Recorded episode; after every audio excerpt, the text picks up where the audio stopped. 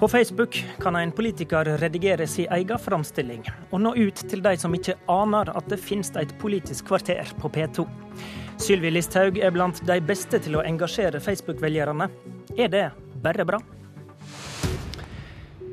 Vi snakker også om det rød-grønne Oslo-byrådet som la fram budsjett i går. De har støtte fra partiet Rødt, men nå kan det se ut til at den henger i en tynn tråd. Det er lykkelige omstendigheter på Sylvi Listhaugs Facebook-side. Av politikere på sosiale medier er hun den raskest stigende stjerna. Bare siste året har hun mer enn tidobla antall følgere, og hun og samferdselsministeren er de to med de mest aktive brukerne på sidene sine. Daglig får Listhaugs 75 000 følgere oppdateringer og videoer fra innvandringsministeren. Sylvi Listhaug, når du virkelig noen på Facebook som du ikke når her i Politisk kvarterstudio? Jeg tror nok det, for det er jo ikke sånn at alle der ute sitter og følger med på Politisk kvarter. Eller, ja, det kan du si. Eller følger med på nettsider, eller følger med på hva som står i avisene hver dag. Her når han vanlige folk som kanskje ikke verken har interesse for eller tid til eh, å sitte og følge nyhetsbildet. Så det er klart det er en unik mulighet til å få ut informasjon. F.eks. denne uka når vi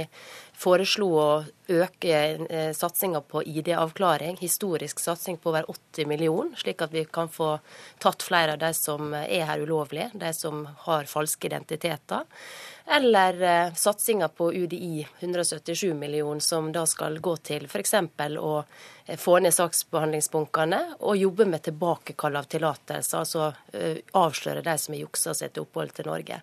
Så det er en fantastisk mulighet til å nå ut med budskapet. Og når du drar den lange leksa er, så brenner jeg etter å stille et motspørsmål, men det får du ikke på Facebook. Er det det som er viktig, å ha en kanal der den budskapen ikke blir forstyrra av sånne som meg? Det er en unik mulighet til å nå direkte ut til folk. Men i tillegg til det så er jo de ordinære mediene veldig viktige. Og Derfor så bruker jeg ofte å legge ut linker til saker som har stått i VG, eller er på NRK eller Dagbladet eller andre medier, mm. der folk kan få lese dem og kommentere dersom de ønsker det. Dele med sine venner og kjente hvis de ønsker det. Eh, og da når man stadig flere. Så det er en fantastisk mulighet både til å dele det som står i de ordinære mediene, og komme med det budskapet en ønsker sjøl. Gunn Enli, du er professor ved Institutt for medier og kommunikasjon på Universitetet i Oslo. Listhaug er den politikeren som er mest seg sjøl på sosiale medier, har du faktisk forska deg fram til. Hvordan er det? Ja, i hvert fall så er det sånn det oppfattes av mennesker, av folk, av brukerne.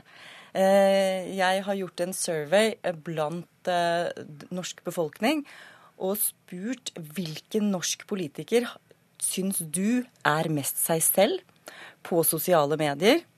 Og også spurt hvem eh, syns du er mest seg selv i eh, intervjuer med politiske journalister.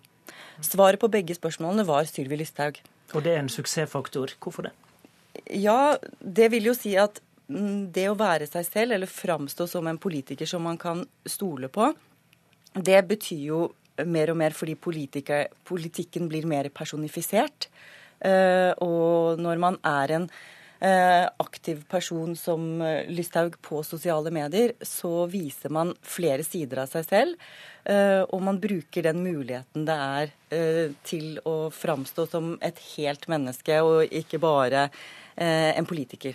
Men du ser noen farer ved dette som skjer på, inne på ei Facebook-side. Hva er det vi skal være oppmerksomme på?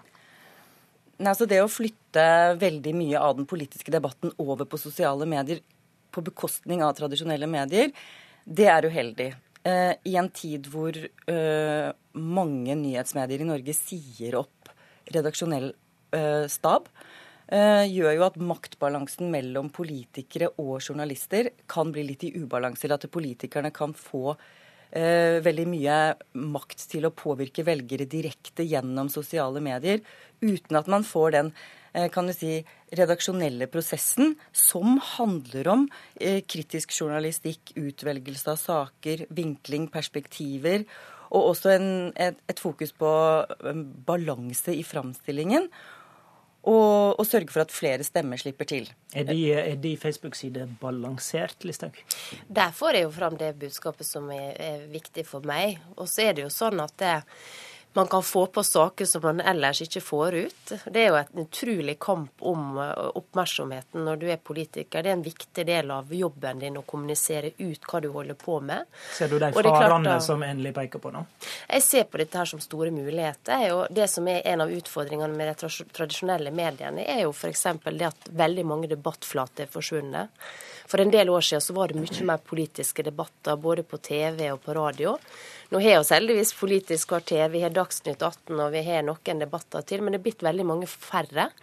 Og da, Derfor er det så bra at politikerne får nye muligheter til å nå ut til folk. For ellers så ville det blitt ganske vanskelig, tror jeg. for Men mange. Men vi har jo hørt noen av eksempler fra de Facebook-sider i dag der du nærmest får en sånn panegyrisk hylling. Det er jo noe annet enn det som skjer i våre studio. Ser ja, det kan du, du si. Ser du, ser, du, ja. ser du noe av faren med det, som endelig peker på? Ja, altså, jeg, får jo både ris og ros. Eh, jeg får mange hyggelige tilbakemeldinger, men jeg får jo også en del som er kan du si, ganske direkte på den andre sida. Og sånn er det å være politiker, og du er nødt til å tåle det hvis du skal være politiker, for det er en del av jobben. Um, og det har jeg for så vidt eh, blitt vant til. Endelig, vi skal være på vakt mot ekkokammereffekten, sier du til nrk.no i dag. Hva, hva er det egentlig? Nei, altså Dette handler jo om at hvis man bygger opp en stor eh, fanskare på sosiale medier som følger enkeltpolitikere og bruker mye tid på disse sidene, eh, så blir jo det ofte diskusjoner som er i en viss kontekst, og man eh, analyserer eh, alle saker, alle nyhetsoppslag, eh, alle hendelser ut ifra et visst eh, politisk syn. Og det kan jo være veldig bekreftende og veldig, veldig, deilig å være en del av. Altså Det gir veldig stort fellesskap, og jeg tror mange setter veldig stor pris på det.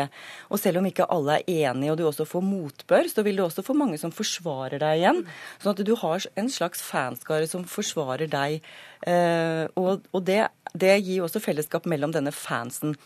Eh, det som er fordelen med et variert og mangfoldig nyhetsbilde, er jo at man får vite litt om alt, og at man får saker fra ulike perspektiver. Eh, på slike nettforum eller Facebook-sider så kan det jo være at man får ensidig fokus på enkeltsaker og ensidig fokus på enkelte syn. Og at meningsbrytningen blir litt snever.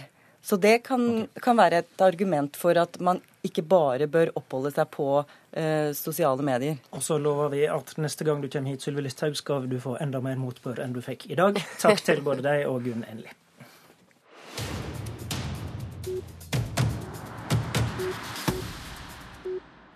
I Oslo la byrådet, som består av Arbeiderpartiet, SV og MDG, fram budsjettet for 2017 i går.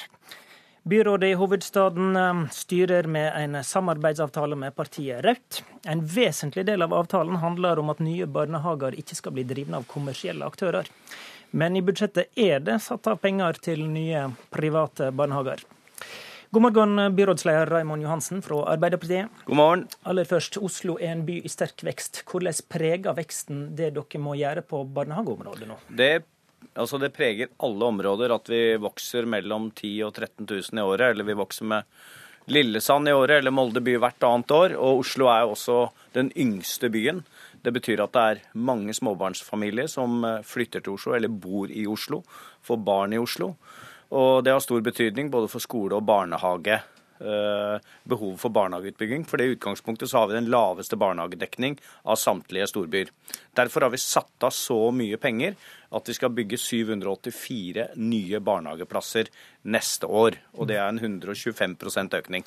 Vil noen av disse 784 komme til å være private barnehageplasser? Nå er det sånn, som du helt riktig sier, at vi har skrevet en avtale med Rødt hvor vi i utgangspunktet sier at vi ønsker For det første så har vi opphevet forbudet mot å bygge kommunale barnehager. Dvs. Si at vi hadde ønsket å bygge kommunale barnehager og private ideelle. Og så sier vi veldig også tydelig i denne avtalen at vi skal følge lover og regler. Så har vi fått både fra kommuneadvokaten og fylkesmannen, som er veldig tydelig på at vi ikke kan skille mellom private ideelle og private kommersielle. Ok, Du mener dere kan ikke skille dette. Betyr det da, jeg spør igjen, at det kommer til å komme nye private barnehager i Oslo neste år? Vi har nødt til å gi tilskudd også til private kommersielle. Men, og det er viktig å understreke, som fylkesmann også sier, så kan vi stille vilkår. Og det kommer vi til å gjøre. Vi kommer til å ha knallharde krav til barnehagene når det gjelder ansatte, tilsvarende lønns- og arbeidsforhold, når det gjelder voksentetthet i barnehagen, når det gjelder å være innenfor barnehagelovens eh, paragraf 14. Ok, Dere kan stille krav, men dere må gi støtte til nye kommersielle private barnehageplasser. Det må vi for å følge lover og regler, okay. slik det står i avtalen, også med Rødt. Bjørnar Moxnes, leder i Rødt og gruppeleder for partiet i Oslo bystyre. Hvis det kommer nye private og det dere kaller kommersielle barnehageplasser, som du hører om eh, Johansen sier her, hva gjør Rødt da?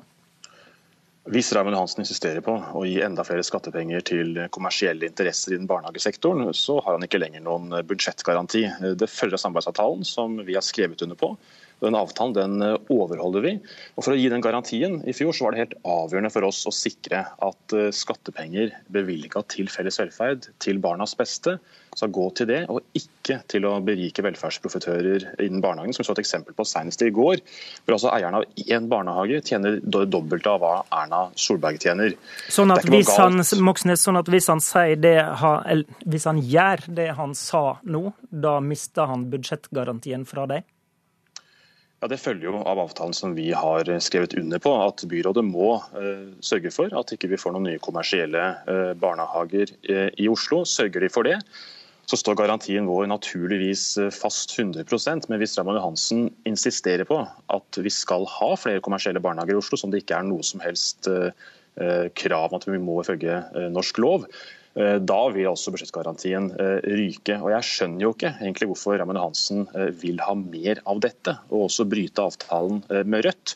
Og For vår del så er det helt umulig å gå bort fra et krav som er helt avgjørende for oss, og som var en del av kontrakten med eh, våre velgere, og sikre at skattepenger ikke sluses over til velferdsprofitører. Det vet Ja, Raymond Johansen. Hansen veldig tydelig, Bjørn- Bjørnar og det må han følge. Bjørnar Moxnes eh, ja, vi har hatt et veldig eh, godt samarbeid, og la meg understreke det.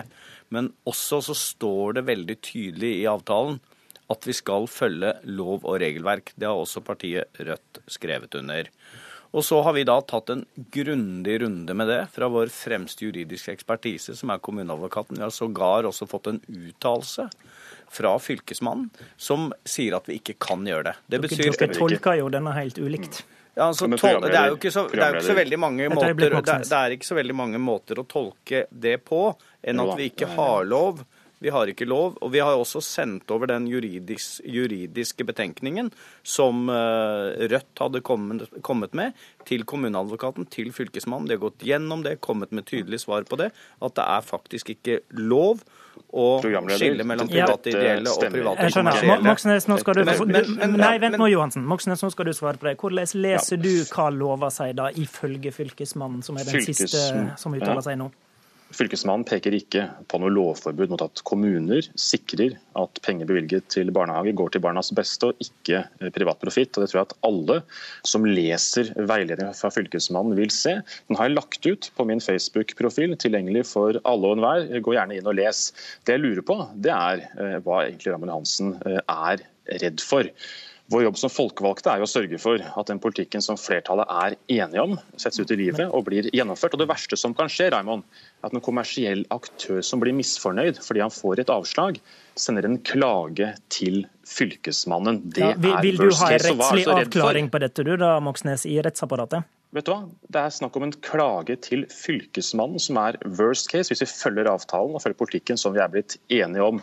Vi frykter jo ikke at det er et stort problem å få en okay, klage til okay, Fylkesmannen. men det jeg lurer mer på nå er, Du sier han vil miste budsjettgarantien. Hva betyr det? da? Har du tenkt å støtte og peke på et borgerlig styre?